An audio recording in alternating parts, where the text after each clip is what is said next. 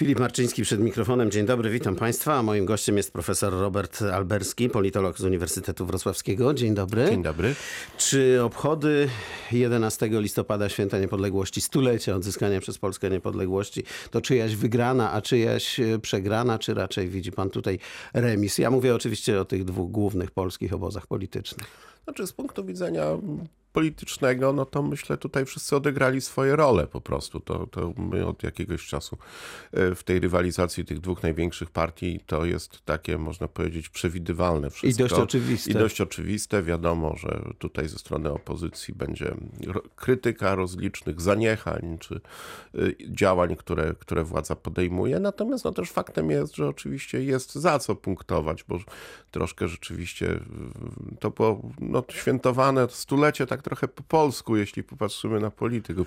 Wszystko w ostatniej chwili z niejakim bałaganem. z niejakim bałaganem, no ale jakoś tak udało się, prawda? Nie było, nie było chyba najgorzej, przynajmniej jeśli chodzi o ten Marsz Warszawski, tam się udało wybrnąć e, z tego bałaganu, choć oczywiście... Takim podzieleniem kilometrowym niemalże To prawda, chociaż ten marszów. koszt polityczny, on będzie prawdopodobnie. W tej chwili tak nie do końca pewnie sobie jeszcze zdajemy sprawę z konsekwencji, dlatego że jednak no, tu się pewien fakt polityczny polityczny wydarzył, mianowicie to porozumienie między obozem władzy a radykalną prawicą, tą narodową prawicą. Czyli tym stowarzyszeniem tym Marsz stowarzyszeniem Marsz, ale to przecież wiadomo, że za tym to jest całe środowisko, które tam funkcjonuje, także w parlamencie, bo przecież choćby Robert Winnicki jako poseł Kukiza, prawda, jest przecież reprezentowany. No to jest pewien fakt polityczny, który może mieć swoje konsekwencje dalsze, dlatego że skoro udało się dogadać w jednej sprawie, to być może uda się w kolejnych, a też trzeba pamiętać o tym, że no,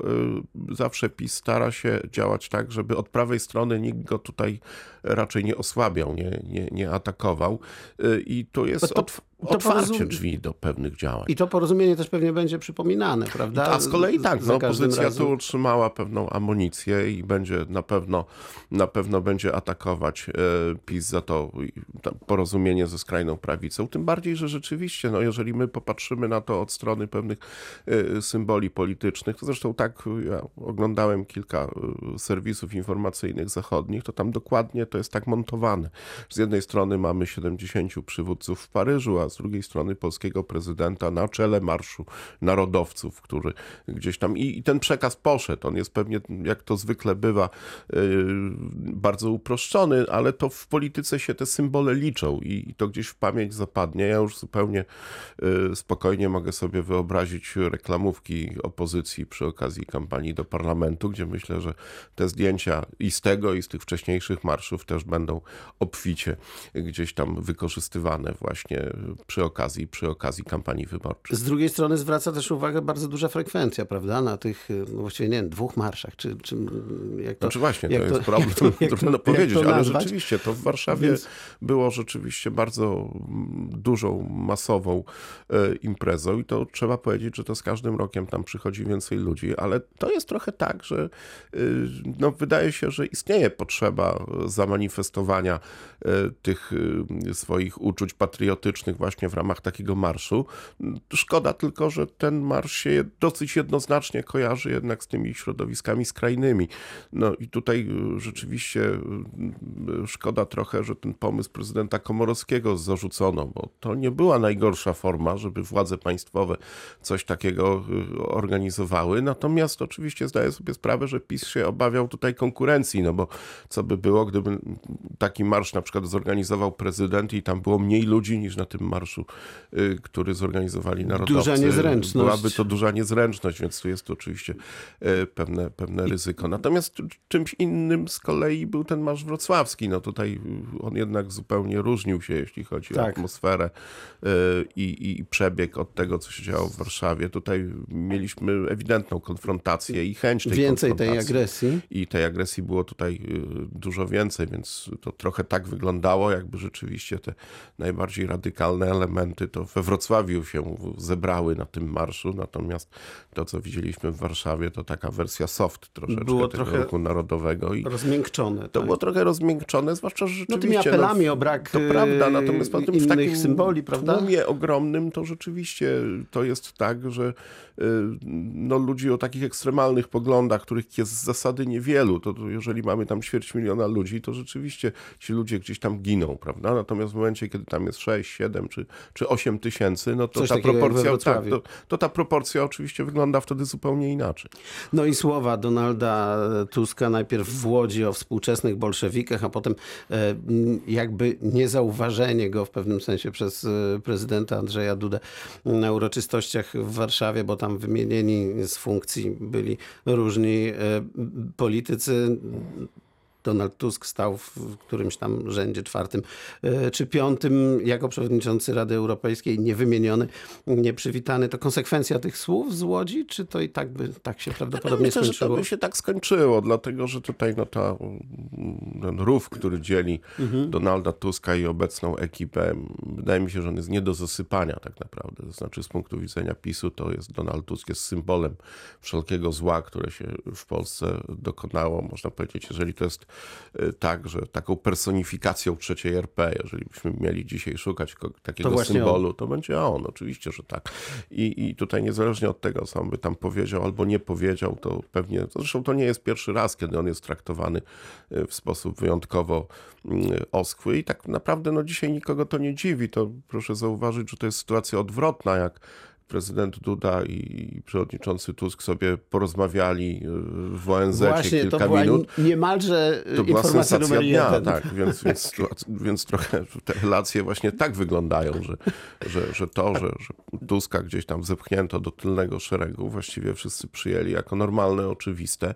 Natomiast z kolei oczywiście to jego, on bardzo gładko wybrnął oczywiście On z się tego też tego wycofał przemówienia, trochę, trochę. się wycofał, oczywiście, że tak.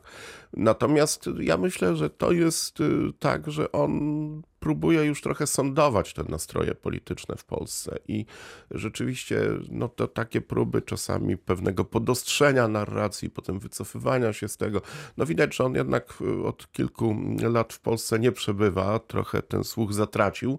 No i tak jest próba odnalezienia się trochę w tej, w tej, w tej nowej sytuacji y, dla niego, bo to jest jednak y, spory czas, trochę nowych wyborców się na tym rynku pojawiło. Mamy tak naprawdę w Platformie nowe pokolenie y, liderów i, i oczywiście oni Donalda Tuska oczywiście traktują jako, jako swojego założyciela, patrona i tak Taki dalej. ojciec No, założyciel to trochę. tak, tylko że jeżeli on wróci do gry, to wtedy to zupełnie inaczej może wyglądać. Dzisiaj on jest po prostu z kolei kimś z zewnątrz, kimś, którego autorytet to jest trochę. pewien recenzent, człowiek z zewnątrz, którego, który ma duży ten autorytet europejski i można się tym podeprzeć, prawda? Natomiast w momencie, kiedy on wróci na to krajowe podwórko, to oczywiście może być bardzo różnie.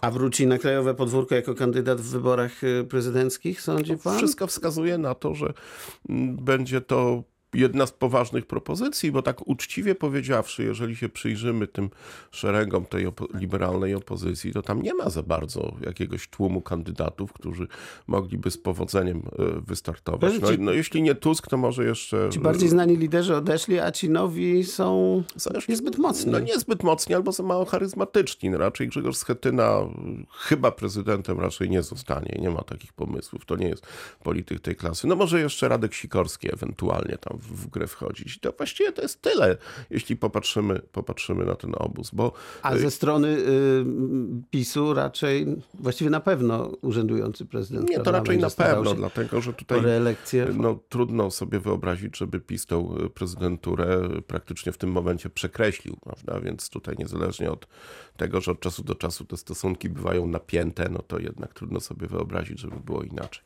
Czy to, o czym dzisiaj pisze Gazeta Wyborcza i o czym wszyscy od rana mówią, to będzie taka nowa historia klasy, Sowy i przyjaciół? Marek Szanowski, przewodniczący Komisji Nadzoru Finansowego, zaoferował, ja tu cytuję wyborczą, przychylność dla Getin Nobel Banku Leszka Czarneckiego w zamian za około 40 milionów złotych.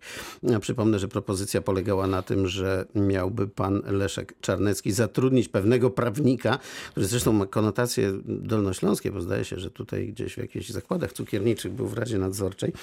E, no w zamian za, za przychylność ze strony Komisji Nadzoru Finansowego. To dość gruba sprawa, można powiedzieć. Wygląda na to, że to rzeczywiście jakoś tak wyborcza ma czasami takie pomysły, że po jakimś wielkim święcie od razu y, odpala nam jakąś bombę. To tak trochę jak z aferą Rywina, która się pojawiła natychmiast praktycznie, kiedy, kiedy podpisano owe traktaty akcesyjne, to niemal następnego dnia zafundowano nam coś takiego. Tutaj mamy po stuleciu niepodległości od razu taką polityczną bombę przygotowaną i to rzeczywiście może być kłopot, dlatego że no, wygląda na to, że tam w tej sprawie to nie jest tak, że ktoś kogoś oskarża na zasadzie słowo przeciwko słowu, Jest tylko taśma. zdaje się, są jakieś taśmy, są jakieś nagrania. Z jednej strony to pokazuje ten klimat naszej polityki, gdzie zdaje się nagrywanie wszystkich y, to już jest standard No, ale właśnie tutaj- przeszło do dobrego tonu. Bardzo ciekawa rzecz, bo tutaj pan, pan Chrzanowski, szef Komisji Nadzoru Finansowego, mówi, że e, on ma tu takie szumidła, takie urządzenia antypodsłuchowe i że on to włączy, ale to nie zawsze działa. No i okazało się, że rzeczywiście nie zawsze działa, bo taśmy się e, pojawiły, ale to nasi urzędnicy, politycy już o tym myślą w taki sposób dość otwarty, prawda? Tak, to, to chyba się robi dzisiaj taki standard dla, dla naszej polityki, że cokolwiek się mówi, to trzeba uważać, czy przypadkiem tego y, gdzieś tam, gdzieś tam nie nagrają. No z tego punktu widzenia pewnie to najbezpieczniej jest w radiu teraz, no bo to przynajmniej, Przynajmniej wiadomo, wiadomo, że są włączone jak mikrofony. sytuacja wygląda. Natomiast to rzeczywiście jest tak, że to może być gruba afera, bo rzeczywiście to jest sytuacja poważna, tak już mówiąc serio. To jest rzeczywiście instytucja zaufania publicznego, prawda? Komisja Nadzoru Finansowego ma ogromną y, władzę, jeśli chodzi o ten sektor bankowy, który jest z kolei, można powiedzieć, takim krwioobiegiem gospodarki. I jeżeli tam się pojawiają tego typu działania, które, no to jest przecież korupcja i to taka dość otwarta. Więc jeżeli rzeczywiście coś tam takiego nastąpiło, no to y, nie jest to dobra wiadomość dla obozu rządzącego, mówiąc, mówiąc najdelikatniej. I proszę zauważyć, jeżeli by mieliśmy tam y, te różne afery, które się gdzieś tam działy, czy to, To Amber też to Gold, właśnie teraz to było Getbacku, atakowane prawda? ciało bardzo tak przez, jest. też I teraz to się wpisuje y, jeszcze rządową. dodatkowo w tego typu, w tego typu sytuacje, no to będzie to, będzie to problem, bo to rzeczywiście jakby po raz kolejny potwierdza tą w gruncie rzeczy słabość państwa, bo ja nie przypuszczam, żeby akurat było tak, że oto tylko pan Czarnecki dostał tego typu propozycje. To być, Więc to być można może to przypuszczać, można że- przypuszczać, że, że, że to nie jest nic niezwykłego, y, jeśli chodzi o tego typu y, działania. Natomiast rzeczywiście to trochę szokuje, mimo wszystko, dlatego że no jednak, y, jak mówię, to jest ogromna władza, którą ma KNF nad tym, nad tym sektorem i generalnie rzecz biorąc, y, utrata tego zaufania dla, te, dla tej akurat instytucji się może także przenieść Drogo trochę na sektor bankowy. To, prawda? to może Właśnie. trochę poszto, kosztować i politycznie, ale także w sensie takim no, czysto, czysto powiedziałbym ekonomicznym, dlatego że to dotyczy sfery rzeczywiście bardzo wrażliwej dla państwa. No zobaczymy, co z tego będzie. Na razie mamy artykuł, na razie mamy zaprzeczenia zdecydowane po stronie KNF-u, ale no, posługują się wszyscy takim stwierdzeniem, że sprawa jest rozwojowa i chyba rzeczywiście tak będzie. Profesor Robert Alberski, politolog Uniwersytet Wrocławski. Bardzo dziękuję. Dziękuję bardzo.